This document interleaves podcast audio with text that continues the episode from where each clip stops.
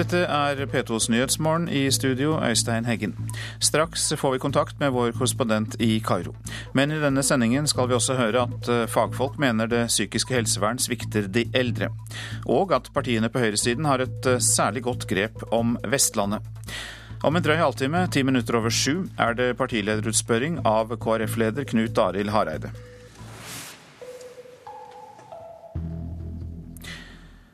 Som vi hørte i Dagsnytt, har dødstallene etter onsdagens uro i Egypt steget til 638. FN ber alle parter om å vise tilbakeholdenhet og satse på dialog. Korrespondent Lars Sigurd Sunnanå i Kairo, i dag er det fredagsbønn. og Hvordan vurderer du mulighetene for at partene tar oppfordringen fra FN og begynner å snakke med hverandre?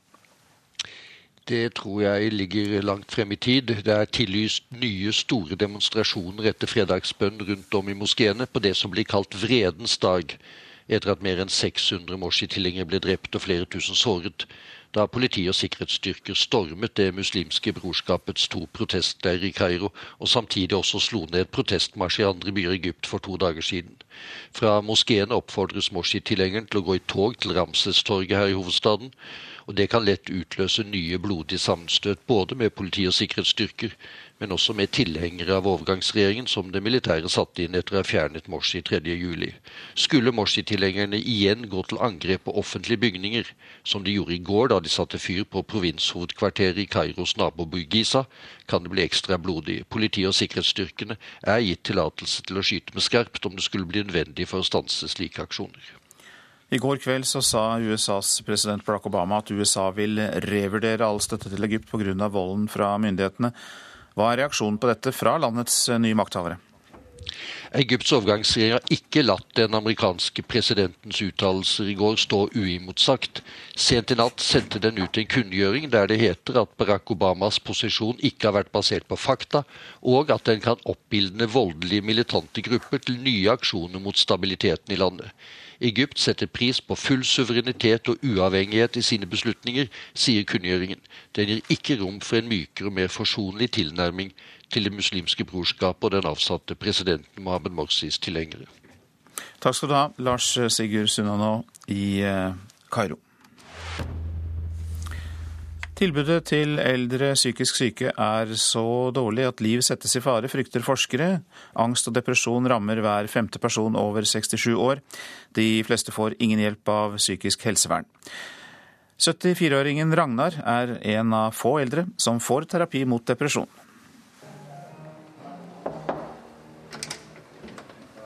Hei. Ragnar sitter og tvinner tomler. De store solbrillene beskytter mot dagslys.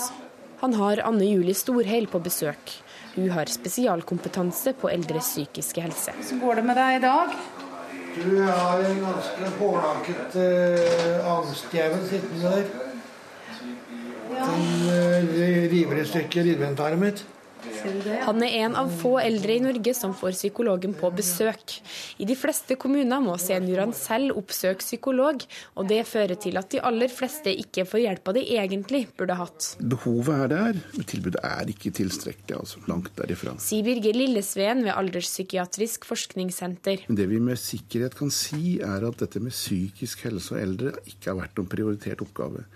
Det viser bl.a. en opptrappingsplan som i forhold til psykisk helse som gikk fra 1999 til 2008.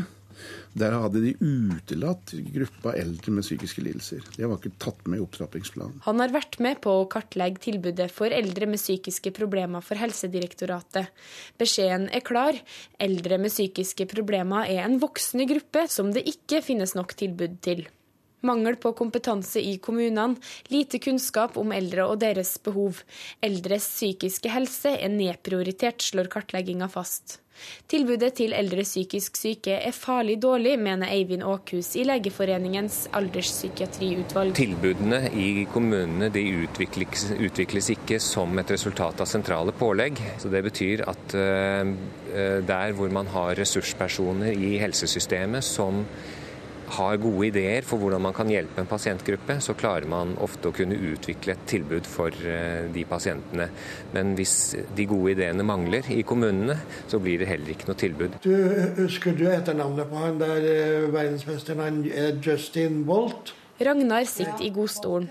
På stuebordet ligger dagens dose tabletter, og i sofaen sitter en person som kan gi noe medikamentene ikke kan. Veldig koselig å ha besøk av, av Julie. Periodevis er jeg litt sånn på felgen og litt langt nede. men det er bestandig moro når hun kommer. og liksom, Når han kommer inn her og blir brydd og prater, så, så, liksom, så, så letter, letter, lette litt på trykket. Og denne reportasjen var laget av Marit Gjelland. God morgen, Bente Marianne Askim. Du er fastlege, og ifølge ekspertene her så er det jo du og dine kolleger som eh, er de eneste fagfolk som yter hjelp til eldre med depresjon og angst. Så hvordan opplever du og dere det? Jo, jeg er enig i at vi har mange av disse eldre. I tillegg så er det jo mange i bydelene og kommunene som bidrar psykiske helsearbeidere. Det gjøres mye på dagsenteret. Men det er klart, det er ikke nok, slik som det ble vist i denne reportasjen. Hvordan vil du beskrive behandlingstilbudet de eldre får? De får jo som oftest mest hjelp på primærlegenivå hos oss. Mange, mange, av mine kolleger rundt omkring i landet har disse eldre til samtaler. Det er ikke så lett å gi medikamentell behandling til eldre. Det er mer komplisert, og de har mange sykdommer. Det er også lett å overse det, fordi vi jo har så mange agendaer når det gjelder de eldre. Mange andre ting som skal løses. Så økt fokus på denne problemstilling vil kunne også bedre tilbudet.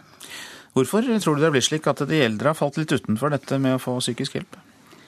Det har vært mye fokus på sykefravær eh, og psykisk helse. Det har vært mye eh, fokus på unge mennesker, og det er viktig og eh, skal ikke stå i motsetning til at eldre skal få hjelp. Det jeg tror er viktig, er at sånn som Ragnar her, som får psykologhjelp, det vil være unntaket. Det er mange andre fagfolk som kan bidra, mens psykologene har en kompetanse hvor de kan veilede andre personell på primærhelsetjenesten. Så er det selvfølgelig de som er dårlige, som trenger hjelp i spesialisthelsetjenesten.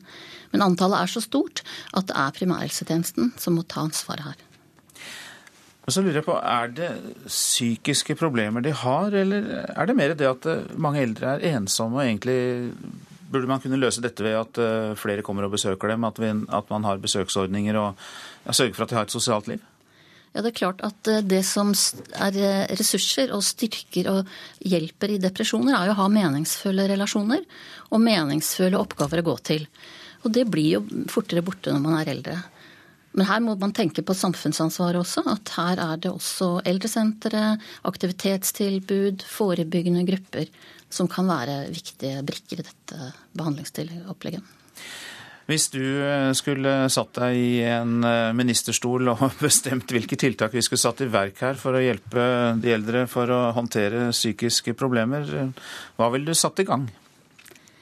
Ja, det hørtes jo fristende ut. Jeg tenker nok at vi må styrke psykisk helsearbeidere i kommunene. Da tenker jeg på sykepleiere, sosionomer og andre, annet helsepersonell. Og så må vi øke kompetansen hos meg og mine kolleger. Og så tror jeg at et team i kommunen vil ta seg av det store flertallet, og så vil noen trenge mer spesialisert behandling. Hjertelig takk for at du kom til Nyhetsmorgen, Bente Marianne Askim, som altså er fastlege og eh, nettopp gjør det hun var innom der. Hjelper de eldre som har depresjon og angst. Så skal jeg si litt om uh, avisene. Som vi var innom i Dagsnytt, uh, livvaktkostnader er tredoblet i løpet av fem år. Det er både Aftenposten og Bergens Tidende som skriver om det i dag. Dette er historiens best bevoktede valgkamp. Nå trenger flere og flere politikere fast livvakt fra Politiets sikkerhetstjeneste. I Dagsavisen gir Høyres eh, ordfører i Oslo, Fabian Stang, støtte til Civita-leder Kristin Clemet og hennes kritikk av Jens Stoltenberg for manglende gjennomføringskraft. Og da nevner de bl.a. Eh, innenfor veibygging og helsevesen. Kristne velgere svikter KrF, er oppslaget i Fedrelandsvennen. Kun fire av ti stemmer på Kristelig Folkeparti, mens Høyre, Arbeiderpartiet og Fremskrittspartiet får de fleste andre stemmer fra kristne velgere. Statoil kjemper mot nye innsynsregler, skriver Klassekampen. Bistandsminister Heikki Holmås sier Statoil er gått fra å være en pådriver til å bli en sabotør av den åpenheten vi ønsker. En venninne av kvinnen som døde etter et fall fra Breviksbrua, drev egen etterforskning, skriver Dagbladet og VG. Venninnen fant bilder fra et overvåkningskamera som viste kvinnen og politimannen sammen. Bildene bidro til at politimannen ble siktet for forsettlig drap. I Egypt angripes og ranes de kristne, hus og kirker raseres, skriver Vårt Land. En biskop i den koptisk-ortodokse kirken sier at kristne blir gjort til syndebukker for situasjonen i Egypt. Ingen brannalarm på papir papirfabrikken, skriver Adresseavisen. Lagerbygningen til Pettersons papirfabrikk på Ranheim brant opp i går, men det var ingen brannalarm, og mange ansatte visste ikke at det var brann før de hørte sirenene fra brannbilene. Kravet om maksimal utrykningstid for politiet møter motbør fra politimestre. Det skriver Nasjonen i dag. Vær og geografi gjør slike krav umulige og urealistiske, mener flere av politimestrene. I Os kommune i Hordaland trekkes foreldrene i lønn dersom de følger barna til skolen første skoledag, skriver Bergensavisen. Rett til permisjon med lønn ble fjernet i vår, og leder av foreldreutvalget for grunnopplæringen, Kristoffer Beckmann, mener Os kommune sender ut et veldig feil signal. Gullår for Rema-kjøpmenn er oppslaget i Dagens Næringsliv. 71 butikksjefer i Rema-kjeden satt igjen med over 3 millioner kroner fra driften i fjor.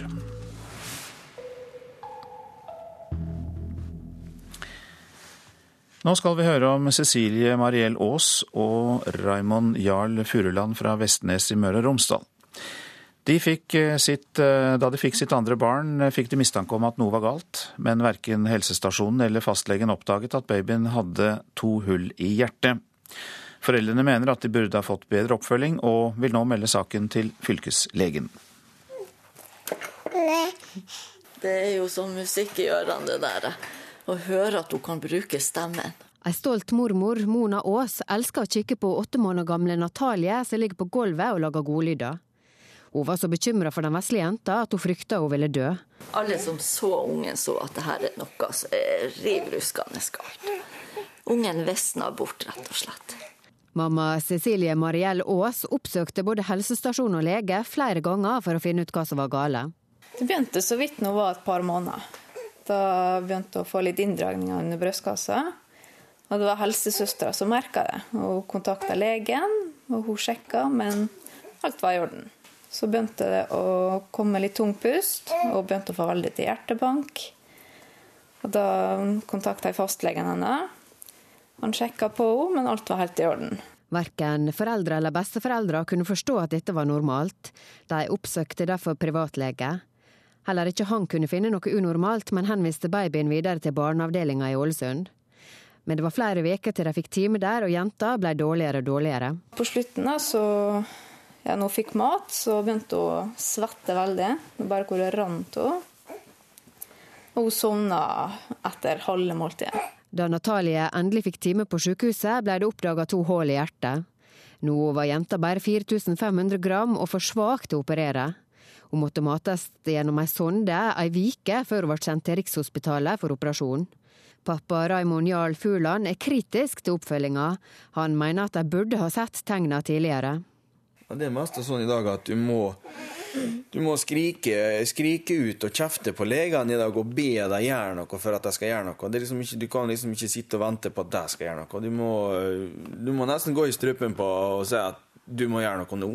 Hva dere kommer til å gjøre videre nå, da? Nei, Vi kommer til å gå videre med saken og sende inn en klage til, til fylkeslegen. da. Rådmann i Vestnes kommune, Tone Roaldsnes, sier at de er glade for at foreldre vil melde saka, og at de sjøl vil gå gjennom rutinene sine.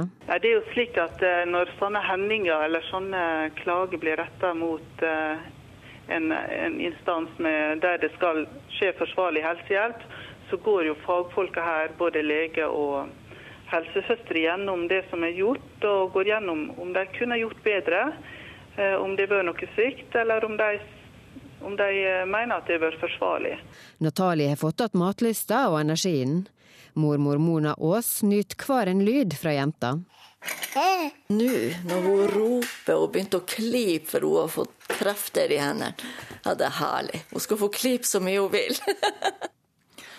og denne reportasjen var laget av Malin Kjelstadli Korsnes. Ja, dette er Petos Nyhetsmorgen, og klokka den går mot 6.48, og dette er hovedsaker. Det muslimske brorskap varsler massemønstring i Kairos gater når fredagsbønnen er over i dag. Fagfolk mener det psykiske helsevern svikter de eldre. Og den nye nynorskordboka blir ferdig til grunnlovsjubileet, men ikke bokmålsordboka. Så hvorfor, får vi vite om få minutter.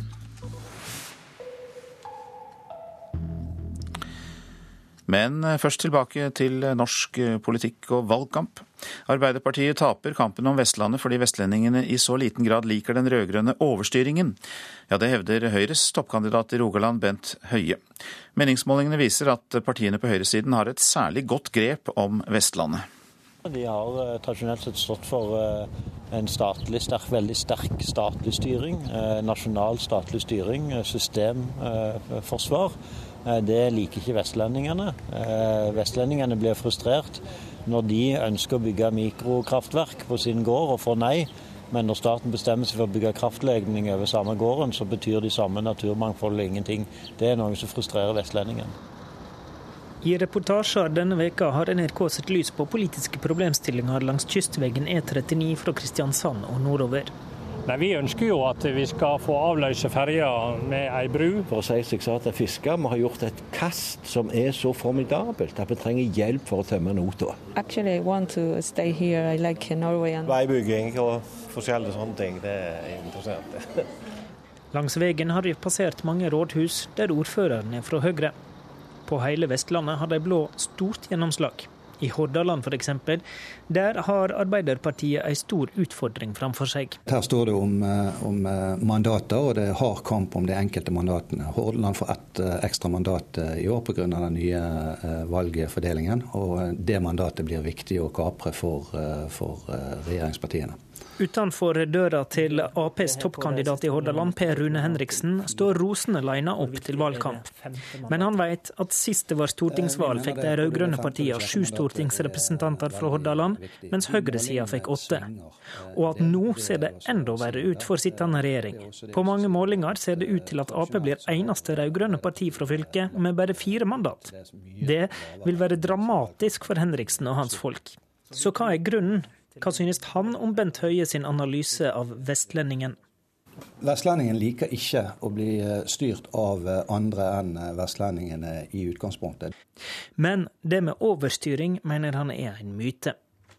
Høyresiden prøver å skape det inntrykk av at, at den rød-grønne regjeringen står for en overstyring av Vestlandet. Det mener jeg er helt feil.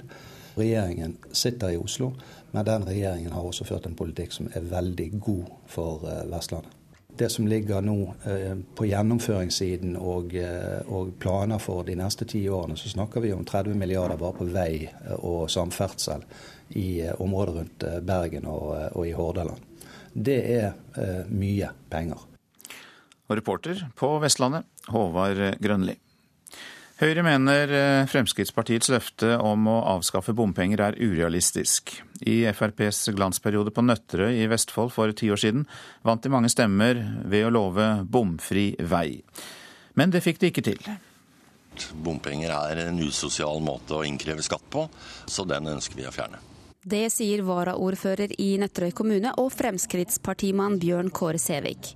Men for å treffe han må vi kjøre over brua fra Tønsberg til Nøtterøy og der på brua henger kamera og sensor på en bom over veien, og regninga for å ta turen kommer i posten hvis ikke du har forhåndsbetalt det.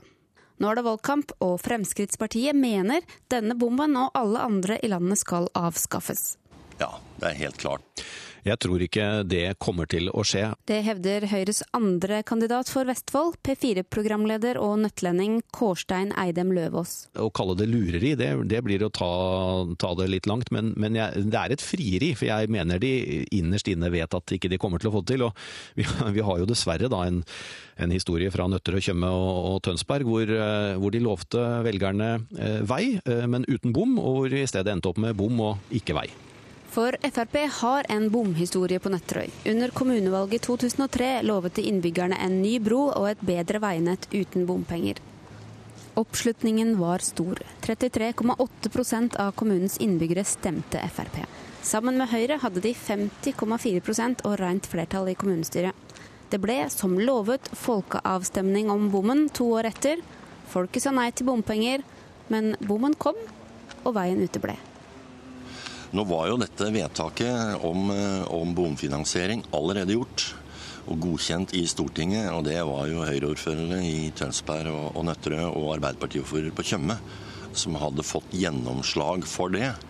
Eh, og Vi prøvde jo, vi hadde jo møter med samferdselsministeren og prøvde å få, få stoppet dette, men det var altså for sent, så det klarte vi ikke. Dessverre.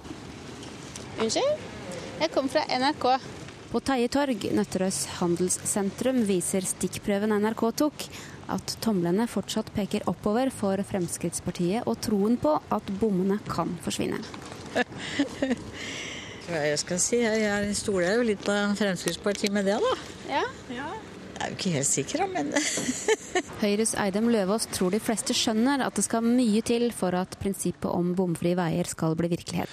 Jeg tror eh, alle partiene går til valg på sitt program, og Frp har i sitt program at de ønsker å, å fjerne bomstasjonene, og at ingen veier i Norge skal være bompengefinansiert. Det er en ærlig sak og en real sak, men det er ikke en realistisk sak, fordi alle de andre politiske partiene i Norge eh, er eh, uenige i det i større eller mindre grad, så det er ikke noe de kommer til å kunne få gjennomslag for. Jeg føler ikke at det lurer velgerne på et vis med en sånn vi skal fjerne bommene, og så er det ikke så enkelt eh, gjort som sagt. Nei, vi, altså, hvis Fremskrittspartiet får et rent flertall på Stortinget, så er bommene borte.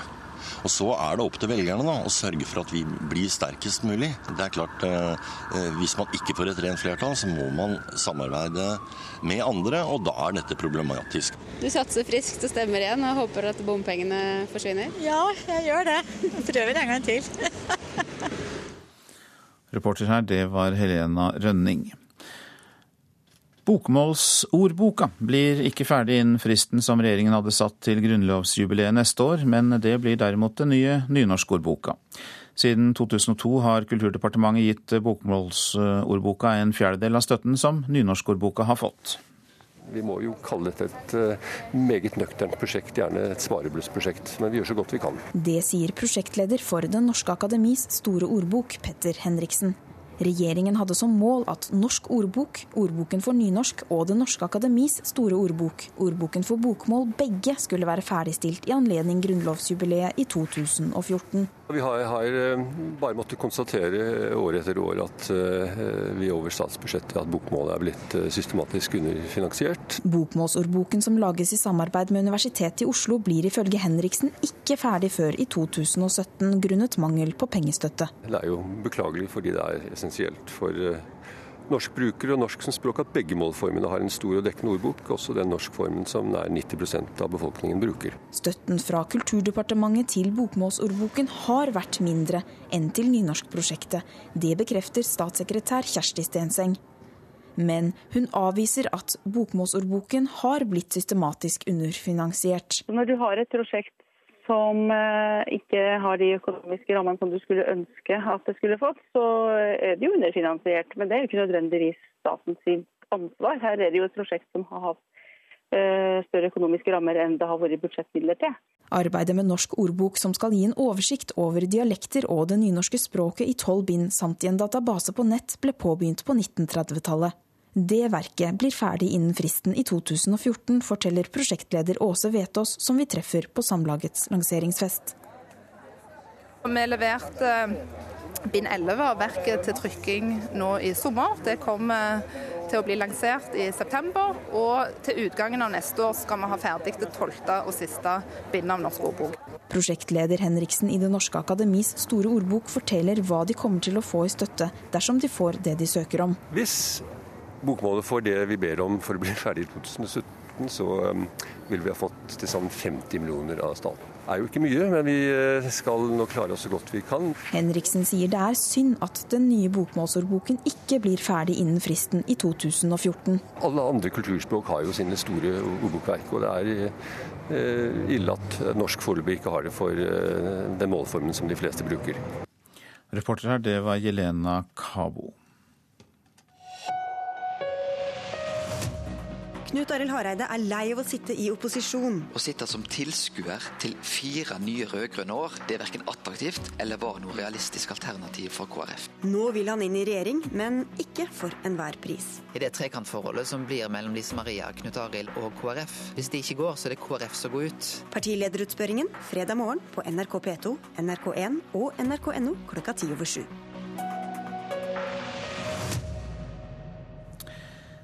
Så skal vi si noen ord om eh, været i dag. Fjell i Sør-Norge først. Sørlig liten kuling utsatte steder. Regn og regnbyger i sørlige områder. Perioder med kraftig regn.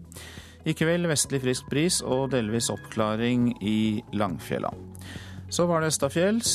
Fra i ettermiddag sørvestlig opp i stiv kuling på kysten vest for Oksøy. Skyet, litt regn eller yr. Fra i formiddag eh, regn, perioder med kraftig regn, særlig sør for Oslo. Og så blir det lettere vær i kveld i Agder og Telemark. Vestlandet sør for Stad får regn og regnbyger, lokalt kraftig nedbør i Rogaland og Hordaland, utrygt for torden også. I kveld lettere vær i ytre strøk. Møre og Romsdal og Trøndelag, der blir det regn fra sør. I Nord-Trøndelag Nord nedbør først seint i kveld. Det blir utrygt for torden. Nordland får stort sett oppholdsvær og til dels pent vær. Seint i kveld regnbyger sør på Helgeland. Troms lokal tåke med litt regn og yr først på dagen, ellers opphold og til dels pent vær i Troms. Vest-Finnmark med vidda, stort sett opphold og til dels pent vær, lokal tåke først på dagen. Øst-Finnmark stort sett opphold og til dels pent vær. Og Nordensjøland på Spitsbergen litt regn, mest i sørvest. Temperaturer som ble målt klokka fem. Svalbard lufthavn 10, Kirkenes 11, Vardø 12, Alta og Tromsø-Langnes 8. Bodø 10, Brønnøysund 8, Trondheim-Værnes 9, Molde 13 grader, Bergen-Flesland 16, Stavanger også 16. Kristiansand-Kjevik 17 grader, Gardermoen 18 grader, Lillehammer 12 grader, Røros 1 grad og Oslo-Blindern 16 grader.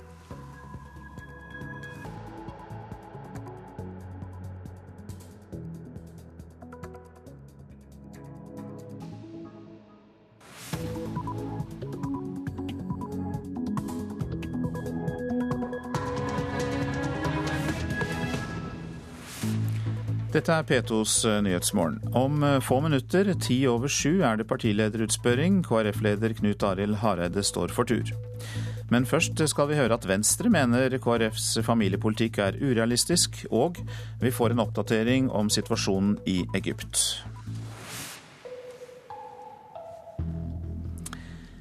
Ja, Venstre skyter ned KrFs viktigste satsing for en ny regjering. Partiet mener nemlig at KrFs løfter om 10 milliarder mer til barnefamiliene med store kontantoverføringer er urealistiske.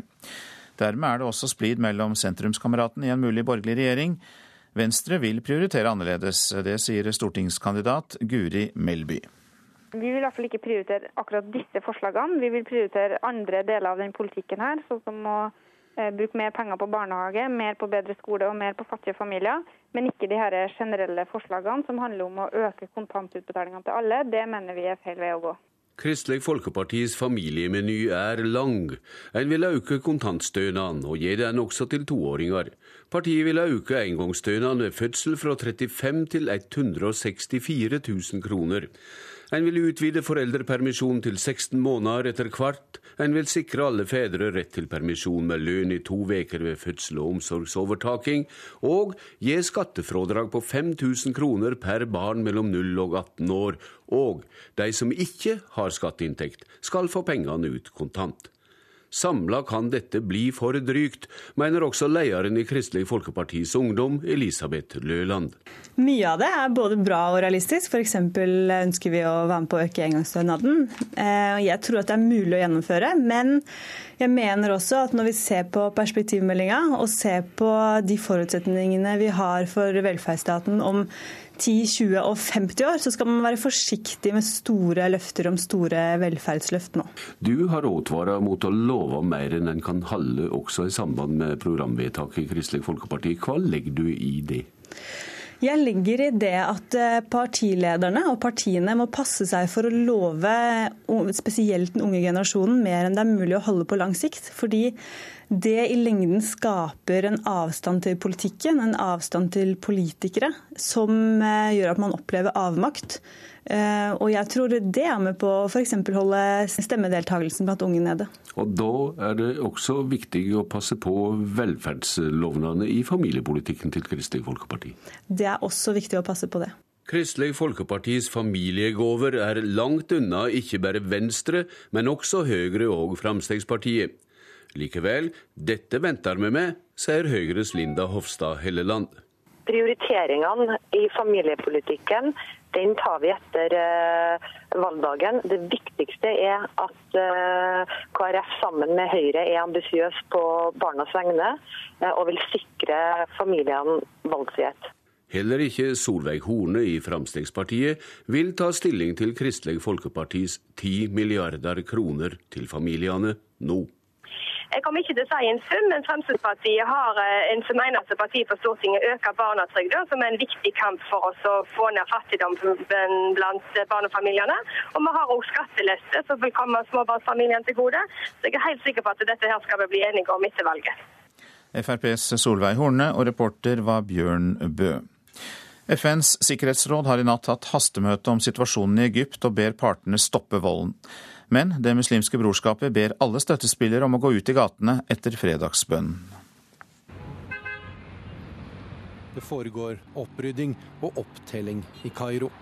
Dødstallene stiger fordi det er nå den fulle oversikten etter blodbadet onsdag kommer inn. 638 mennesker døde. Over 200 av dem ble drept da politiet kjempet for å få kontroll over den største av demonstrasjonsleirene i hovedstaden, den ved universitetet i byen men mange andre har mistet livet i voldshandlinger rundt om i landet og i Kairo. 43 av de drepte skal være politimenn. Det er unntakstilstand og portforbud om natten. Innbyggerne holder seg stort sett inne hele tiden.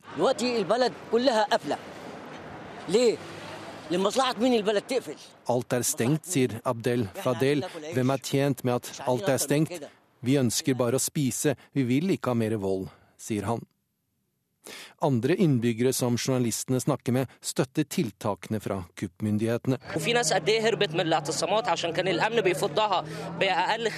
Vi blir selvfølgelig skadelidende fordi alt er stengt, men dersom portforbudet fører til at alt blir som normalt igjen, at det ikke er noe mer terrorisme, så er det bra, sier mannen som bare oppgir navnet Abdullah til journalisten fra Reuters.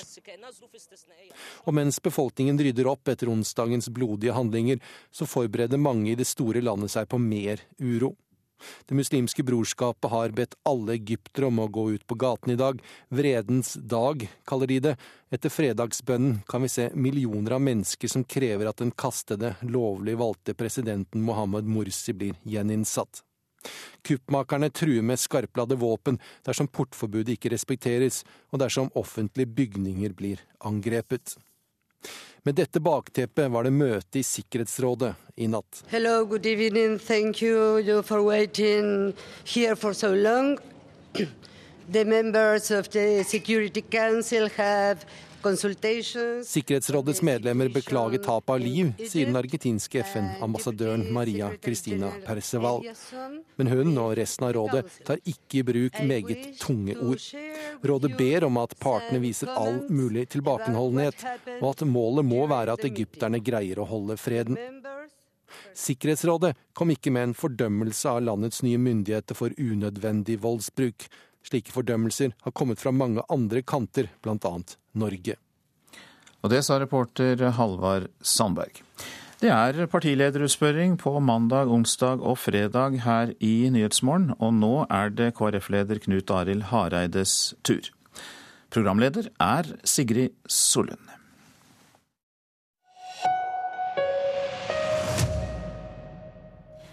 Knut Arild Hareide, velkommen til NRKs partilederutspørring.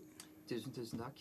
Hva er siste nytt på statsrådsfronten? Går du inn i regjering hvis NRK, nei, hvis NRK det skulle tatt seg ut, hvis KrF får ministerposter å dele ut, eller vil du prioritere familien? Ja, for å si det sånn, Hvis både NRK og velgerne vil det, eh, at KrF skal komme inn i regjering, eh, da tyder mye på at jeg òg kommer til å gå inn i regjering. Eh, men det er klart, det viktigste for meg har vært å få KrF inn i regjering. Vi har fått, fått våre største seire når vi har sittet i regjering. Eh, jeg har òg lytta til Kjell Magne Bondevik eh, og eh, Dagfinn Høybråten, som i det spørsmålet har sagt at det å ha partilederen med inn i regjering, det har stor betydning. Så er det selvfølgelig min jobb å finne en god kombinasjon av det. Men nå er jobben å vinne valget, så får jeg eventuelt ta de problemstillingene etter valget. Men du har altså i løpet av et drøyt år både gifta deg og fått barn. Ja. Eh, ja. du kan bekrefte det. Men Kristelig Folkeparti vil nekte både ekteskap og muligheten for barn eh, for mennesker som har den rettigheten i dag. Dere presiserer i programmet deres at ekteskapet er eh, for mann og kvinne. Hvorfor skal kjærester av samme kjønn ikke få lov å gifte seg, syns du? Ja, Vi er opptatt av forpliktende samliv for alle familier. Og da vi la fram familiemeldingen i 2004, så var den selvfølgelig alle familier med i den meldingen. Men vi har organisert da ekteskapet mellom en mann og en kvinne i et ekteskap, og et partnerskap mellom eh, to av samme kjønn i et partnerskap. Og det går jo ut ifra rettigheter til, til, barn, at barn skal ha rett på både en mor og en far. Men dere var altså imot uh, denne loven som gjorde at homofile kunne gifte seg. Hva har vært de negative konsekvensene av den uh, loven, mener du? Ja, Det går jo på hva rettigheter skal en ha til å få barn. Og jeg tror eh, Hvis vi nå ser på, på, utviklingen nå, så er det klart at nå er det sånn at vi har fått noe debatt rundt skal vi ha eggdonasjon. Vi har fått spørsmål om skal det være kunstig befruktning for enslige. Um, og det er jo som en følge av ekteskapsloven og de endringene som kom knytta til den eh, debatten. Fordi at da ekteskapsloven ble vedtatt, så fulgte det da rettigheter med den. Eh, Bl.a. at eh, lesbiske fikk mulighet for kunstig befruktning. Og i Barnekonvensjonen så står det at barn har rett til å kjenne sitt opphav så langt som mulig. Og, der, og da er spørsmålet skal da staten legge opp til at vi går på tvers av Barnekonvensjonen? Det mener ikke KrF. Vi mener at eh, et barn så langt som mulig skal ha mulighet til å både kjenne sin mor og far, og kunne få både en mor og en far. Så dette er spørsmål om barns rettigheter. Eh, da egentlig foran voksnes rettigheter. Men eh, så lenge det ikke er barn involvert, da bør de kunne gifte seg da? Ja, Vi har sagt at et ekteskap er mellom en mann og en kvinne. Og så har vi da organisert samlivet mellom to homofile i partnerskap. Men bør homofile og lesbiske få adoptere barnet til partneren sin, syns du? Ja, vi har eh, sagt ja til stedadopsjon. Eh, fordi at eh, det under Bondevik II-regjeringen så sa KrF ja til det. Men hvordan henger det på greip med det du nettopp sa, da? Ja, det er jo fordi at da er Det er jo ikke sånn at vi stiller spørsmål ved at homofile skal være eh, som omsorgspersoner. Det har vi aldri gjort. Men vi har sagt at eh, så langt som mulig så bør da barn eh, både kjenne sin mor og far, og kunne få en mor og en far. Ja, til det du sier nå, Dere vil også nekte sæddonasjon til alle par, også heterofile, når de ønsker hjelp til å få barn. Hvordan føles det for deg som nettopp er blitt far, å stenge døra for par som intenst ønsker seg barn, men som ikke kan få det selv? Ja, Denne politikken har ikke noen sammenheng med, med, min livssituasjon. Og det har selvfølgelig vært en konsekvent politikk fra, fra KrFs side i mange år. Men det er ting som griper veldig inn i folks liv? Ja, og jeg forstår veldig godt det. Og så er det sånn at uh, dette med å få barn, det er en utrolig glede. Men skal det være en rettighet? Uh, og der er det jo sånn at alle politiske partier i Norge setter jo en stopper for at ufrivillig barnløse ikke nødvendigvis skal få barn. Det er bare hvor skal grensa gå. Og KrF er da veldig prinsipielle på dette spørsmålet. Vi sier da at i tråd med Barnekonvensjonen så skal du ha mulighet til å kjenne ditt opphav. Og for å ta det med, med sæddonasjon, da, så er det klart at dette var en ordning som ble innført på 30-tallet i sin tid. Eh, og Oslo universitetssykehus, da de ba om å få sædgivere, så sa de kom og vær sædgiver. Eh, det er akkurat det samme som å gi blod. Vi har et litt annet syn på farsrolle i dag enn i den reklamen fra Oslo universitetssykehus på 30-tallet. Vi ønsker at eh, når du både blir far og en mor, så skal du følge opp det eh, og være nær barnet. Og eh, som du sier her, dette er et prinsipielt ståsted, og det gjelder både homofile og heterofile par. Ja, og hva tror du da, du sier det er prinsipper, men hva tror du er alternativet for både de parene, enten det er heterofile eller homofile, som blir nektet den muligheten som de har i dag? Hva tror du de kommer til å gjøre i stedet?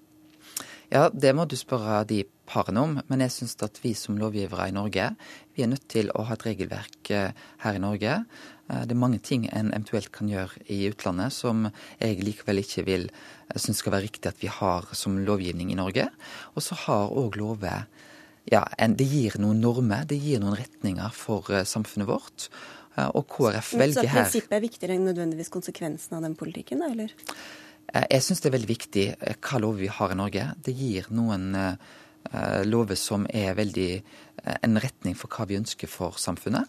Og det har òg noen førende normer. Vi har helt det samme på surrogatidebatten. Det er klart at skal det være riktig Vi vet, skal, vi vet at dette er lovlig i enkelte land. Skal vi da gjøre det lovlig i Norge? Der mener da KrF at vi skal være tydelige og si nei til surrogati i Norge. KrF er veldig opptatt av å advare mot sorteringssamfunnet. Mener dere at gravide sorterer når de tar abort fordi de finner ut at fosteret f.eks. kommer til å bli et multihandikappet barn? Nei, men det er en stor forskjell på det. Å si at staten, at vi som samfunn, skal kontrollere foster ut ifra egenskaper. Men de som gjør det i dag, da? Ja, men jeg tror det er en stor prinsipiell forskjell på om enkeltmennesket gjør dette, eller at vi som samfunn sier vi innfører en tidlig ultralyd for alle gravide. Altså samfunnet, storsamfunnet, tar initiativ til en screening for å sjekke ut avvik ved fosteret. Men hvilke signaler mener du at dere sender til par som har gjort dette, eh, ved å stadig snakke om sorteringssamfunnet? Ja, Sorteringssamfunnet er jo en eh, realitet ved at eh, når, staten skal bruke penger innenfor helsetjenestene på å ha en full screening, og ja, vi velger å provosere med det, provosere med det uttrykket, men vi gjør jo det veldig bevisst ut ifra at det er hva er det staten skal gjøre hva enkeltmennesket gjør. Det for å si sånn, KrF sier ikke nei til enkeltmennesket som velger å gjøre det. Og så er det sånn at er det sånn at vi skal bruke helsekronene på å å ha denne statlige screeningen i uke tolv, som helsedirektøren sier har ingen helsegevinst. Det er vel en litt annen eh, debatt. Men um, KrF vil altså verne om livet helt fra det er et befruktet egg. Eh, det presiserer dere flere ganger i programmet. Noen p-piller og andre prevensjonsmidler hindrer, hindrer, graviditet ved at de ikke lar befruktede egg feste seg. Altså da blir de befruktet, og så fester de seg ikke. Vil dere forby sånne prevensjonsmidler? Nei, det vil vi ikke. Men vi er opptatt av eh, nettopp at eh, livet starter ved, ved, begynnelsen. Vi er opptatt av å si at for oss er det å gradere livet etter uke 8 eller uke 10 eller uke 18 eller uke 22, det er en debatt som vi syns er veldig vanskelig. Eh, og Derfor er det å unngå aborter en viktig sak for KrF. Hvor er det prinsipielle her, da? Ja, Det prinsipielle er jo at vi sier at at for oss så er eh, når, når da livet har satt seg, så er vi opptatt av at det er eh, noe vi ønsker å ta vare på. Men dere vil jo bevare det befruktede egget ved kunstig befruktning og sier at da er det hellig. Hvorfor er det ikke hellig når det ja, Vi trenger ikke gå inn i detalj her i underlivsproblematikken, men eh, Jeg tror at det er en gang sånn at abortloven den har kommet. KrF var imot den. Men vi har vært opptatt av å verne om eh, livet. Og vi har vært opptatt av å nettopp løfte den problemstillingen. Og jeg har veldig stor respekt for de som på 70-tallet kjempa nettopp for det ufødte liv. Eh, jeg tror òg at KrF i dag er det eneste partiet som står for det standpunktet. Og jeg tror at vi har i dag altså over 15 000 aborter. Det er et stort samfunnsproblem at annenhver kvinne i Oslo mellom 20 og 24 år tar abort. og ha et politisk parti som ser alvor i det, og som ønsker å få ned eh, aborttallet, det tror jeg er utrolig godt òg for norsk politikk. Jeg tror du svarte på noe litt annet enn det jeg spurte om, men eh, vi kan jo Nei, Det var et godt svar. Bør, eh, altså Dere vil da ta bort dagens abortlov. Bør mennesker eller kvinner som blir gravide og ikke vil beholde barna sine, da tvinges til å føde dem og adoptere dem bort i stedet? Eh, vi, er, eh, vi, sier at eh, vi er imot den abortloven. Det nemndsystemet som var på 70-tallet, er ikke Svar på spørsmålet, er du grei? Jeg, unnskyld, det er det jeg prøver. Du, okay. få, du, skal få det nøyaktig. Du kan få, For det som KrF sier, er at vi vil erstatte dagens abortlov med en lov som sikrer livsrett for ufødt liv. Mm. KrF vil ikke tilbake til det gamle nemndsystemet, men vil at en ny lov skal legge fosterets rett til liv til grunn, og at avgjørelser knyttet til liv og helse tas i dialog mellom pasient og lege. Det var fra KrFs partiprogram, så der fikk du det meget riktig. Jeg har lest det allerede. Eh, for dem som får barn, har dere veldig rause ordninger. For rause, ifølge deres eget ungdomsparti og potensielle samarbeidspartnere. Dere vil ha flere uker lengre svangerskapspermisjon, skattefradrag for barn, økt kontantstøtte, økt engangsstønad bl.a. Hvorfor skal skattebetalerne sponse småbarnsforeldre som har fått bedre ordninger og vesentlig sterk eh, velstandsøkning de siste årene? Ja, Det er jo fordi vi trenger å få flere barn i samfunnet vårt. Eh, I dag er det sånn at vi er fire til fem i arbeid for hver pensjonist. Eh, om 20-30 år så vil det kun være tre i arbeid for hver pensjonist. Så det at vi legger til rette for at barnefamiliene får flere barn, det er en gode. Og det er, Skal vi da være bærekraftig samfunn på lang sikt, så er det særdeles viktig for uh, både KrF og for vårt samfunn. Men mange av disse familiene har jo allerede råd til hytte og bil og ferier. Eh, hvorfor skal de få betalt for å være lenger hjemme med barna, i stedet for at de selv prioriterer noe av dette ned? Ja, Det er jo fordi at uh, skal vi legge til rette for et samfunn som er bærekraftig, så tror jeg vi må se på ordninger for og for familiene. Så jeg har lyst til å si Noen av de viktigste tiltakene for KrF her, det går rett opp i urettferdigheter. Når vi da ser på engangsstønaden, det vil da si at enkelte som får barn i dag, får en støtte på 35 000, mens enkelte som er i arbeid, kan få en støtte fra det offentlige på opp mot en halv million. Det vil si at eh, det er veldig urettferdig. Er du i full jobb, får en støtte, så får familien støtte på nesten en halv million. Er du student utenfor arbeidslivet, så får du en støtte på bare 35 000-36 000. Det er jo en urettferdighet. og Derfor sier vi at vi ønsker å endre engangsstøtten, gjøre den til en flergangsutbetaling og få en støtte på opp mot 170 000. Det er jo en støtte til noen av de som har aller minst, og som òg er en viktig del av abortdebatten. At ikke økonomi skal være grunn for å ta abort i Norge. Men hvorfor prioriterer ikke dere bare disse familiene i stedet for å gi masse til alle, også de som hadde hatt råd til å prioritere familie selv?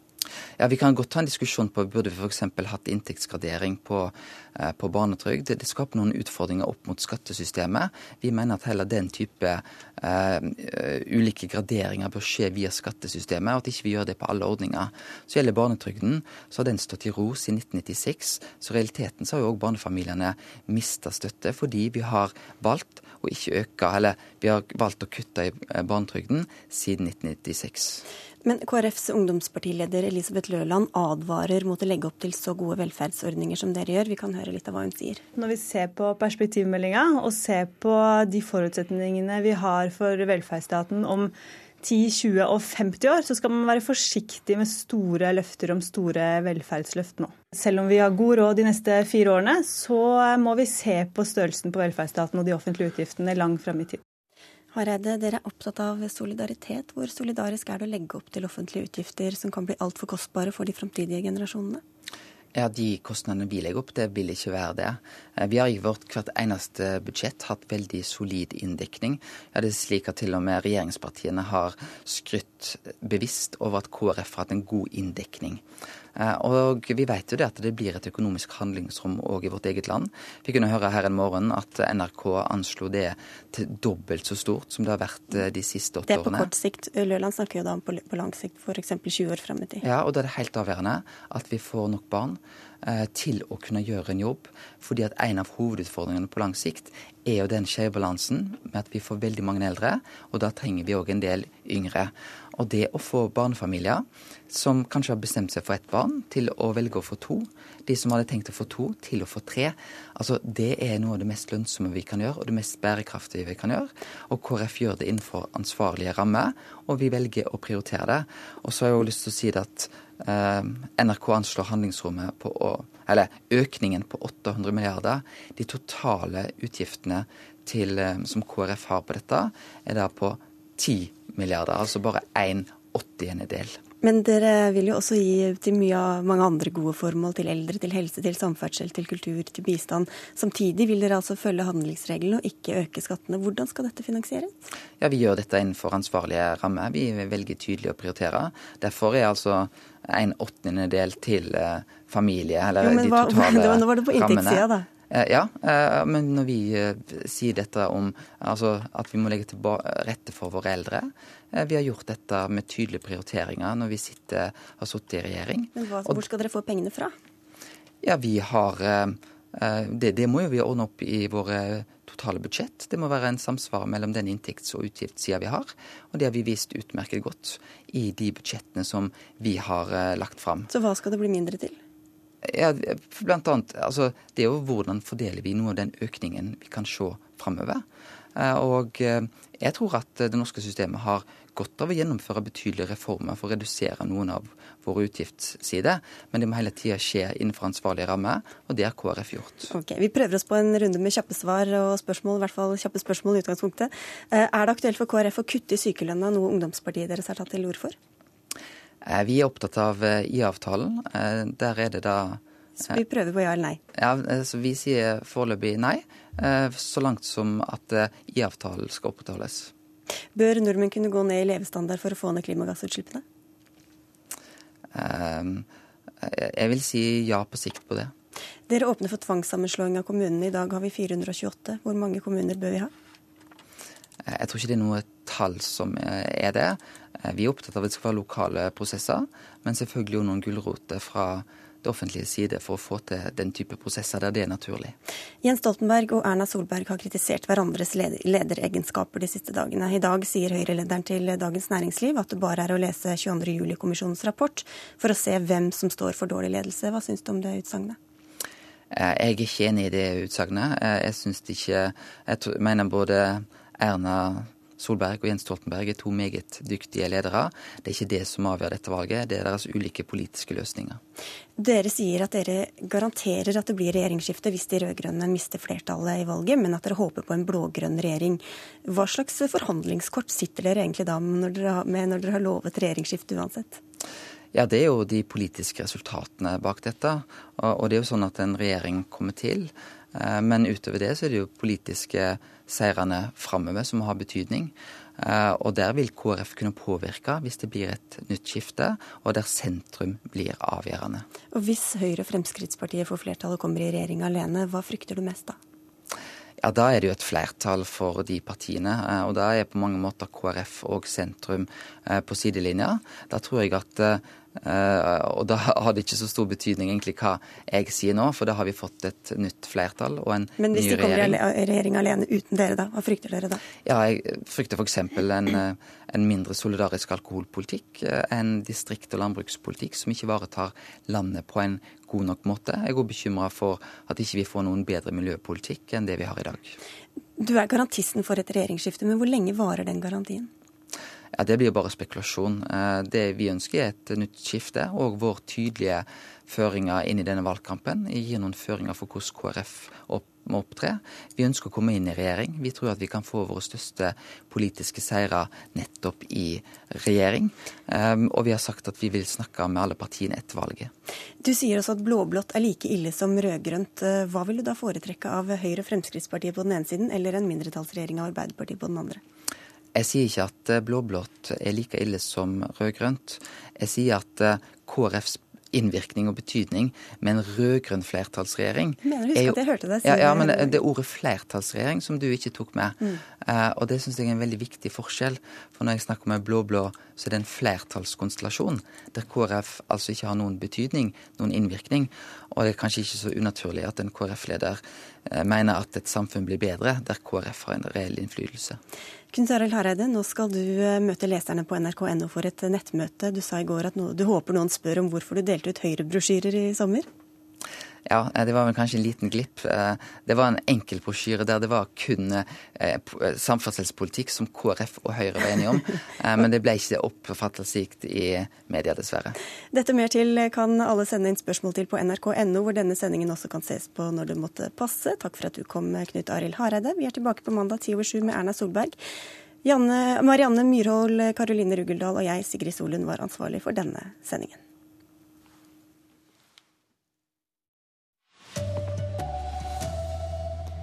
Kristelig Folkeparti kritiserer Høyre for å bruke 22.07 mot Stoltenberg i valgkampen. Eldre mennesker med angst og depresjon blir sviktet av helsevesenet. Og det er varslet nye store demonstrasjoner i Egypt etter fredagsbønnen i dag. Her er NRK Dagsnytt, klokka er 7.30. Både Høyre-leder Erna Solberg og Oslos ordfører Fabian Stang støtter kritikken av legeregenskapene til Jens Stoltenberg. Stang sier til Dagsavisen i dag at effekten av terrorangrepene 22.07.2011 gjør det vanskelig å være ærlig i kritikken mot Stoltenberg. KrFs leder Knut Arild Hareide mener derimot det er feil å angripe Stoltenberg på bakgrunn av 22.07. 22.07. Eh, der fikk statsministeren vist eh, både fremragende lederegenskaper på enkelte områder. Så ble det selvfølgelig avdekka svakheter, men det var òg svakheter med det totale systemet.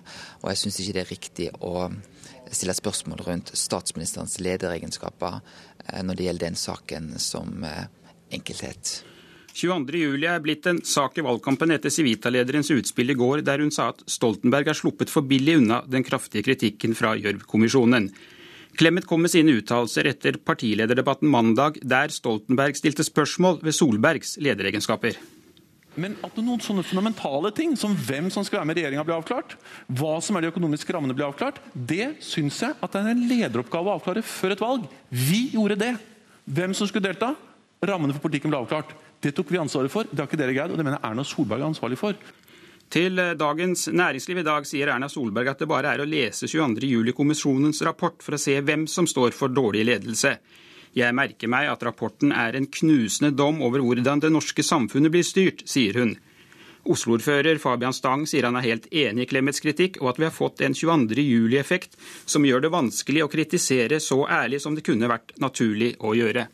Og det sa reporter Per Arne Bjerke. Over til deg, partisekretær Raymond Johansen i Arbeiderpartiet. Hvordan reagerer du på kritikken fra Høyre?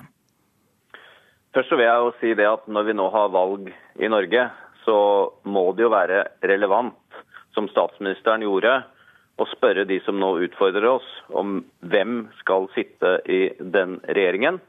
Det har de ikke avklart. Og heller ikke hvilken politikk de skal føre, og hvor mye penger de skal bruke. Så over til saken om 22.07. Det er vel ingen sak i etterkrigstiden i Norge som har blitt grundigere debattert. Stoltenberg har svart på tusenvis av spørsmål knyttet til 22.07. Stortinget har hatt høringer. Vi har hatt en uavhengig kommisjon, Gjørv-kommisjonen. Stortinget har kommet med sine klare anbefalinger, som nå regjeringen følger opp. Men Stang sier altså at vi har en sånn 22. juli-effekt i norsk politikk som gjør at det er vanskelig å kritisere eh, Stoltenberg. Hvordan ser du på det? Eh, nå kan ikke Stang ha fulgt veldig godt med i debatten etter 22. juli. Det har jo da for det første statsministeren svart på tusenvis av spørsmål. Det har vært mange debatter knyttet til hva regjeringen gjorde, ikke gjorde, ikke minst gjennom Gjørv-kommisjonen. Og nå følger vi opp det. For øvrig så føler jeg ingen behov for å karakterisere verken Fabian Stang eller Kristin Clemet sine uttalelser, annet enn å si at vi jobber hver eneste dag med å følge opp Gjørv-kommisjonen. Men det må jo være viktig i et demokrati å be om at man nå avklarer et alternativ for de som utfordrer oss til et valg, slik Jens Stoltenberg har gjort. Takk for at du var med i Dagsnytts partisekretær Raimond Johansen i Arbeiderpartiet. Nå skal vi høre at eh, eldre psykisk syke mennesker får så lite behandling at mange er i livsfare. Det frykter forskere. Hver femte person over 67 år lider av angst eller depresjon, men de fleste av dem får ikke noe hjelp av det psykiske helsevesenet. 74 år gamle Ragnar bor i Lier kommune, og han er en av få eldre i Norge som får hjelp mot depresjonen sin. Hei. Ragnar sitter i godstolen og tvinner tomler. Tablettene på bordet er urørt, for i dag er Anne Julie Storheil på besøk. Hun har spesialkompetanse på eldres psykiske helse. Går det med deg i dag? Du har en ganske pålakket uh, angstdjevel sittende der. Han er en av få eldre i Norge som får psykologen på besøk. I mange kommuner finnes det ikke tilbud til eldre psykisk syke, forteller Birger Lillesveen ved Alderspsykiatrisk forskningssenter. Behovet er der, men tilbudet er ikke tilstrekkelig. altså Langt derifra. Det tilbudet de får, er en pillekur eller en, at de går på et eller annet beroligende tabletter. Eldres psykiske helse er nedprioritert, slår en kartlegging fast. Mangel på kompetanse, mangel på tilrettelegging for eldre psykisk syke og mangel på nasjonale retningslinjer fører til store variasjoner i kommunene, forteller Eivind Åkhus i Legeforeningas utvalg for alderspsykiatri. Der hvor man har ressurspersoner i helsesystemet som har gode ideer for hvordan man kan hjelpe en pasientgruppe, så klarer man ofte å kunne utvikle et tilbud. Men hvis de gode ideene mangler i kommunene, så blir det heller ikke noe tilbud. Vant den i helga, eller? Jeg vant 100 meter i går. Periodevis er jeg litt sånn på felgen og litt langt nede. Men det er bestandig moro når hun kommer. og liksom, Når sommeren kommer inn her og blir brydd og prater, så letter lette litt på trykket. Reporter her, det var Marit eh, Gjelland. I Egypt er det frykt for nye voldshandlinger i dag. Myndigheten varsler at det blir skutt med skarpt dersom demonstranter angriper offentlige bygninger. Samtidig ber Det muslimske brorskapet alle egyptere om å gå ut i gatene i dag for å vise sin motstand mot kuppmakerne. Det er fredag i dag, og det er normalt at egypterne går til moskeene for å holde sin fredagsbønn. Det muslimske brorskapet ber alle om å gå ut på gatene etterpå for å vise sin motstand, vise at myndighetenes blodige tiltak ikke har kvalt protestviljen. Med dette bakteppet holdt FNs sikkerhetsråd krisemøte sent i går kveld. The members, first of all, Sikkerhetsrådets medlemmer beklager tap av liv, sier den argentinske FN-ambassadøren Maria Cristina Perceval. Men hun og resten av rådet tar ikke i bruk meget tunge ord. Rådet ber om at partene viser all mulig tilbakeholdenhet, og at målet må være at egypterne greier å holde freden. Sikkerhetsrådet kom ikke med en fordømmelse av landets nye myndigheter for unødvendig voldsbruk. Slike fordømmelser har kommet fra mange andre kanter. Og det sa reporter Halvard Sandberg. Venstre kritiserer KrFs viktigste satsing for en ny regjering. KrF lover 10 milliarder kroner mer til barnefamiliene med store kontantoverføringer, men Venstre vil prioritere annerledes, sier stortingskandidat Guri Melby. Vi vil i hvert fall ikke prioritere akkurat disse forslagene. Vi vil prioritere andre deler av den politikken her, sånn som å Eh, bruke mer penger på barnehage, mer på bedre skole og mer på fattige familier. Men ikke de her generelle forslagene som handler om å øke kontantutbetalingene til alle. Det mener vi er feil vei å gå. Auka kontantstønad også til toåringer, auka foreldrepermisjon, skattefrådrag på 5000 kroner per barn og auka av engangsstønaden ved fødsel fra 35 til 160 000 kroner er blant Kristelig Folkepartis programlovnader. Til sammen kan dette bli for mye med tanke på framtidige slekter, mener lederen i Kristelig Folkepartis Ungdom, Elisabeth Løland. Mye av det er både bra og realistisk. F.eks. ønsker vi å være med på å øke engangsstønaden. Eh, jeg tror at det er mulig å gjennomføre. Men jeg mener også at når vi ser på perspektivmeldinga og ser på de forutsetningene vi har for velferdsstaten om 10, 20 og 50 år, så skal man være forsiktig med store løfter om store velferdsløft nå. Reporter var Bjørn Bø. Partileder i KrF Knut Arild Hareide sier at det er viktig å legge til rette for barnefamilier en av hovedutfordringene på lang sikt er jo den skjevbalansen med at vi får veldig mange eldre, og da trenger vi òg en del yngre. Og det å få barnefamilier som kanskje har bestemt seg for ett barn, til å velge å få to, de som hadde tenkt å få to, til å få tre, altså det er noe av det mest lønnsomme vi kan gjøre, og det mest bærekraftige vi kan gjøre. Du kan høre en versjon av partilederutspørringen av Hareide klokka 08.50 på P1. I dag skal sprinteren Jaisuma Saidi Endure prøve seg på 200 meter i VM i Moskva. Og etter å ha slitt med å vise seg frem i internasjonale mesterskap for Norge, så sier sprinteren at han nå har lært.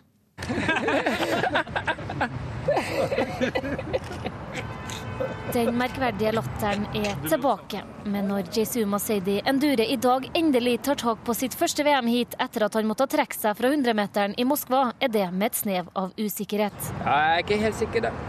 Men vi får se. At det er åpent rundt Jays VM-skjebne, sier også trener Olav Magne Tveita. Jeg håper, og, håper, det, håper det blir bra, men uh, han har egentlig ikke løpt så mye nå siden Sundsvall for to og en halv uke siden. Så, så det, det er spennende. Reporter Kristine Norvik Skeide. Ansvarlig for denne sendingen Arild Svalbjørg, teknisk ansvarlig Per Ivar Nordahl, og her i studio Anne Jetlund Hansen. Du lytter til P2s Nyhetsmorgen. I Tyskland er det også valgkamp, og tyskerne er svært opptatt av økonomi.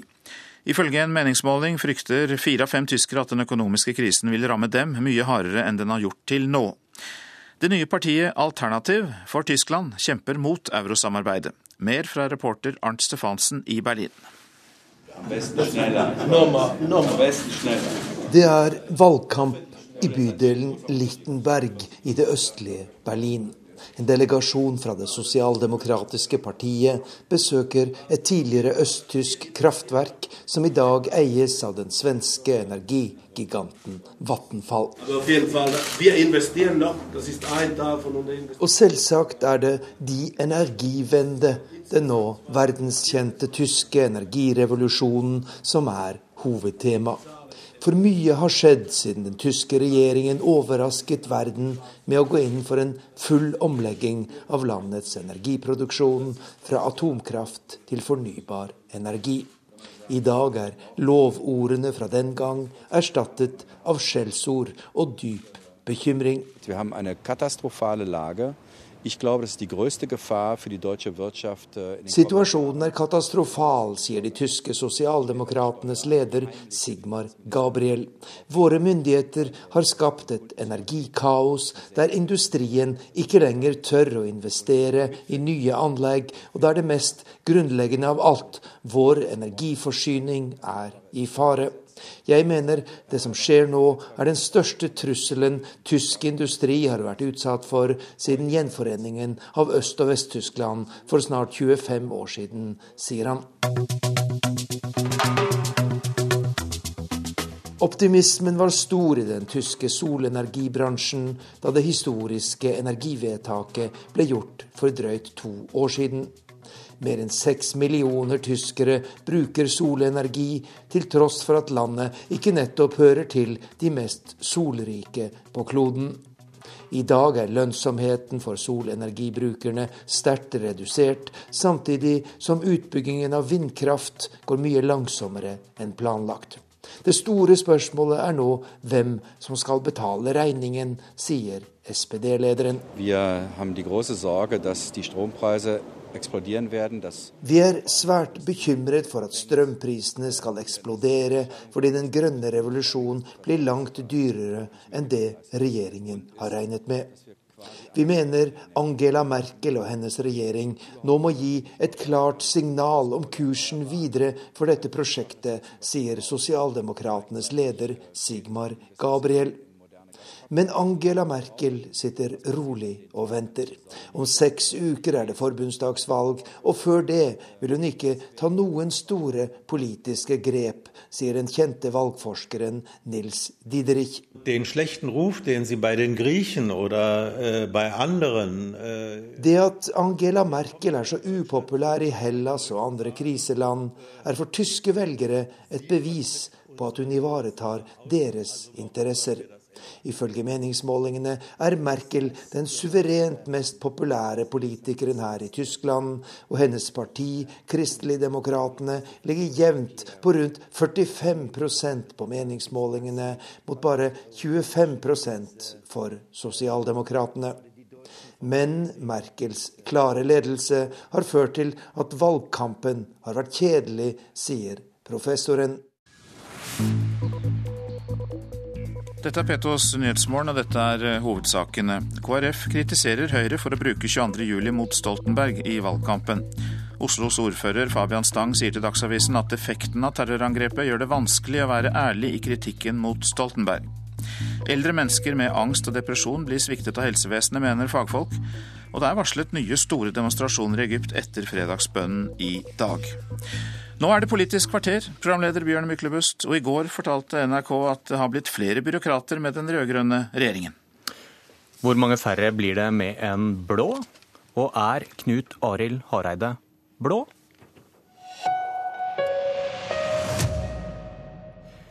Vi begynner med en helblå nestleder i Fremskrittspartiet, Ketil Solvik-Olsen. Er byråkrati et skjellsord? Unødvendig byråkrati blir jo et skjellsord. Men selvsagt, byråkrati er en del av den offentlige administrasjonen som vi trenger når vi organiserer samfunnet vårt sånn som vi gjør. Men vi tror det er mulig å fjerne ganske mye av det byråkratiet vi har, for å gjøre livet lettere både for de som jobber i offentlig sektor og produserer tjenester, men òg for de som jobber i privat næringsliv, og for folk flest. Hva tenker du om tallene som Dagsrevyen presenterte i går, der antall ansatte f.eks. i direktoratene da har vokst med 16 mens de rød-grønne har styrt? Jeg syns det viser en uheldig utvikling der det blir for mange folk som skal flytte på papir, som skal passe på hverandre. Eh, med dagens datateknologi så burde vi jo kunne redusere den delen av byråkratiet. Fordi at det burde være lettere å rapportere, lettere å systematisere, lettere å automatisere eh, oversikten over hva det offentlige gjør, og passe på hverandre. Istedenfor så ser vi altså en stadig økt sysselsetting.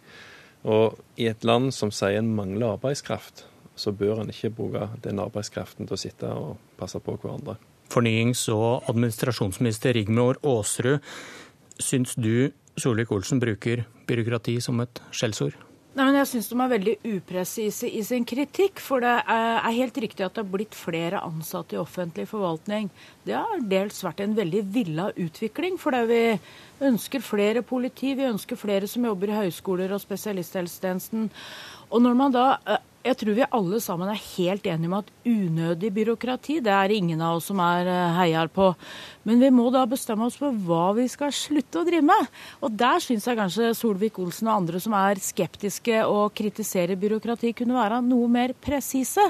For er det ting vi lar våre ansatte drive med som de ikke trenger å drive med, så bør vi jo slutte med det. Og så er jeg helt enig Ja, Bare for å ta det. Vet du om noen byråkrater du ikke trenger? Altså, Jeg syns de byråkratene som jobber hos oss er flittige. De gjør de jobba vi har bedt dem å gjøre, og de gjør de oppgavene til dels som Stortinget spør dem om å gjøre. Eh, og, og det trenger vi gode folk til. Så har jeg bare lyst til å korrigere si én ting for dette. I 1992 så var 30% av de som jobba i Norge, ansatt i offentlig forvaltning. I 2012 så er det vært en liten økning, for nå er det 30,2 Eh, så andelen øker eh, ikke eh, vesentlig. Ja, jeg vet ikke om jeg blir betrygget av de tallene. For hvis du ser på gjennomsnittet det, på, på, samme type jobber i de 32 største OECD-økonomiene, så er altså snittet rundt 15-16 Så vi har dobbelt så mange ansatte til å gjøre den type jobber som det en har i de andre store økonomiene. Og jeg syns en vrir debatten litt, fordi dette handler ikke om sykepleiere, politi, leger og lærere. Dette handler om de som er satt til å administrere. Det er det som disse tallene du tok opp innledningsvis handler om. la meg bruke et eksempel. For eksempel, når, når Enova, som har hatt ansvaret for å stimulere i, i subsidier til bygging av fornybar energi, når vi innførte grønne sertifikat, så ble jo da eh, oppgaven til Enova overflødig.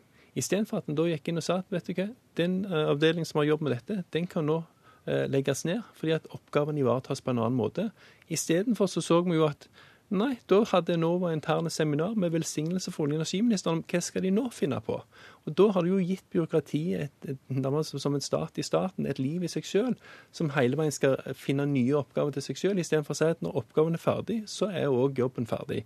Da kan de få andre typer oppgaver å gjøre i samfunnet, i privat næringsliv eller i tjenesteproduksjon. Og det er vel en det som heter en tung byråkratisk lov, at man maksimerer sine egne budsjetter? Også. Ja, Hvis det er arbeidsoppgaver som blir borte, så skal vi selvsagt uh, tilpasse bemanninga etter det.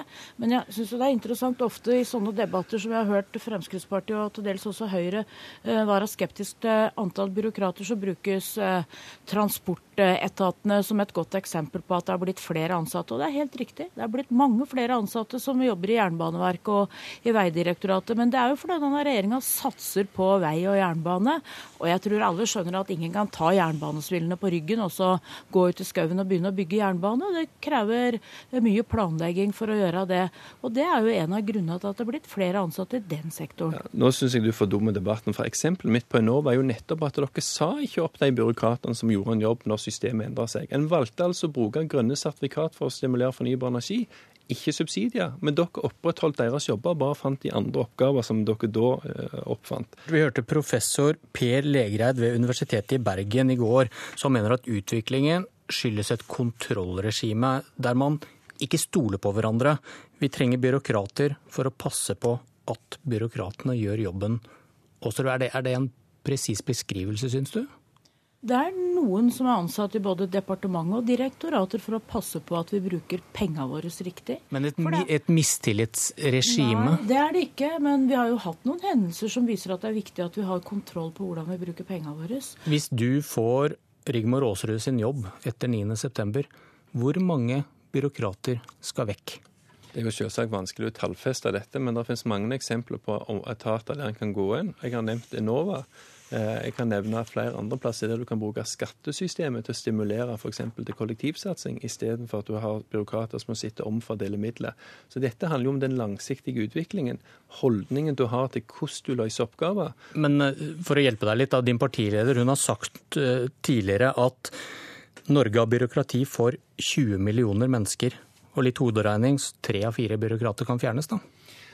Nå trenger du ofte en grunnstamme i bånn for å gjøre jobber. Sånn at kan, Den hoderegningen blir nok litt for enkel, men det illustrerer jo et potensial for kutt. Absolutt. Men dere vil ikke ha noen nattvekterstat, noen minimumsstat. Dere tilbyr jo velgerne mer velferd enn de fleste. Og da hører det vel med et stort byråkrati? Nei, for det handler jo òg om viljen til å bruke eh, privat sektor. Det handler om viljen til å investere mer enn i offentlig sektor. Og Noe av det som skiller oss og de andre partiene, er jo at Frp har sagt at vi tror faktisk det er en god investering å ta litt mer av oljeformuen vår øremerke den inn på realkapital, altså maskiner, verktøy, infrastruktur, som gjør at du kan kutte kostnader. Men det står altså i statsbudsjettet at Fremskrittspartiet vil ansette mer administrativt, administrativt personell på sykehusene. Og det er jo byråkratene, det. Så her prater man jo med to tunger. Og tenk Nei. på den modellen som Fremskrittspartiet nå ønsker å innføre når det gjelder eldreomsorg, der folk skal få sin egen sjekk og løpe rundt og kjøpe tjenester. Det kommer til å bli et massivt byråkrati. Nei, det er ikke sant. Og, jo, det er jeg helt nei, sikker på men... det kommer til å bli når det er så mange enkeltpersoner som må uh, serves på nye vedtak, nye tiltak, ettersom eh, helsa endrer seg? Nei, fordi at i dag så må jo òg disse folkene søke om å få sykehjemsplass og sånne ting. sånn at det byråkratiet finnes allerede. Takk Ketil Solvik-Olsen og Rigmor Aasrud.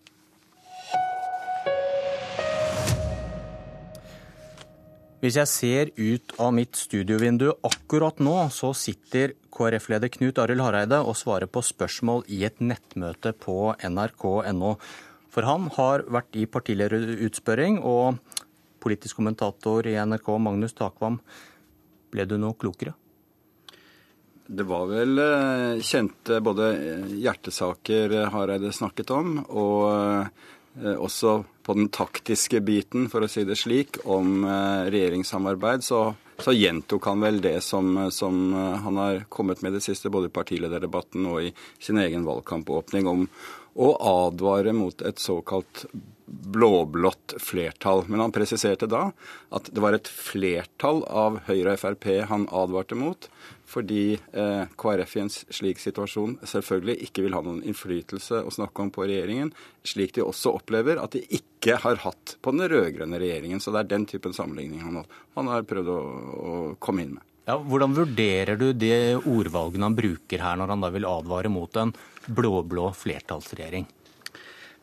Jeg tror for det første at KrF har behov for å korrigere inntrykket partiet kan ha skapt rundt uh, sitt eget landsmøte og i tiden etterpå, uh, fordi en del velgere nok har oppfattet at uh, de nærmest hadde bestemt seg for å kunne gå inn i en firepartiregjering der Frp er med. Det inntrykket vil han korrigere, fordi han jo ser at mange velgere har gått til Høyre. slik at vikt, det viktigste motivet for å eh, advare på denne måten, er selvfølgelig å trekke Frp-skeptiske velgere i andre partier, som i partiet Høyre, over til sentrum og til venstre, for å kunne ha selvfølgelig den tyngden som de mener de må ha i en eventuell skal vi si, regjeringsforhandling etter valget. I disse valgkamptider er det vanskelig å få de borgerlige til å si hva de ikke liker ved hverandre, og det er derfor det er så fint å ha deg, Jan Arild Snoen, skribent i Minerva, en konsekvent kritiker av KrF-politikk. Ble du noe klokere av å høre på Hareide i dag? Nei, jeg ble nok ikke det, men det er, det et spørsmål som eh, skal stilles til Hareide, og som ble stilt i dag, og det er eh, hvor vil de kutte? Fordi KrF eh, er for alt til alle. Eh, det er ikke noe de vil kutte. Men dette er blitt da mer interessant å stille det spørsmålet fordi KrFU-lederen jo faktisk sier at det må prioriteres. Eh, fremdeles er det sånn at Men hun tapte den interne kampen? Det gjorde hun, men det er i hvert fall en debatt, en bevegelse da i, i KrF. Men Hareide vil ikke kutte, og der kommer også det, det, henger også litt sammen med dette forholdet til Frp. fordi fordi eh, Frp de kutter tross alt en del, de legger på også mye. Men eh, de våger å kutte nå, og de kutter på de områdene der eh, KrF der det virkelig er smertefullt for KrF. Så, så det er også en av forklaringene til hvorfor KrF må distansere seg så kraftig som de gjør i forhold til at Frp skal få makt. Men, men, hvis du tar Frp, da, som satt her i stad og snakket om kutt i byråkratiet. Men så spurte jeg, dere er vel for nesten like mye velferd som de andre. Er KrF så annerledes i, i, på den borgerlige siden, egentlig? KrF er ikke så annerledes, i hvert fall når du ser på budsjettene deres, der de må få ting til å gå i hop. Hvis du ser på programmet deres, så kan du ikke regne hjem det i det hele tatt, men i budsjettene så må dette gå i hop. Så de er ikke så forskjellige. Men det er altså, og heller ikke i forhold til Høyre f.eks., som heller ikke kutter noe særlig. Kutter litt. Mens Frp altså har noen dype kutt. Eh, det er riktig at de bruker mer på velferd, men de har noen dype kutt. Bistand, jordbruk, litt på distriktene, innvandring, sånne ting. På alle de områdene så er KrF på motsatt side.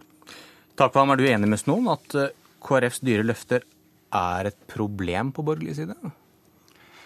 Det er selvfølgelig et moment, men jeg, jeg, opplever vel at eh, KrF ikke er aleine om å ha relativt dyre løfter for tiden. Slik at eh, jeg tror eh, velgerne ser det, det i en valgkampsetting.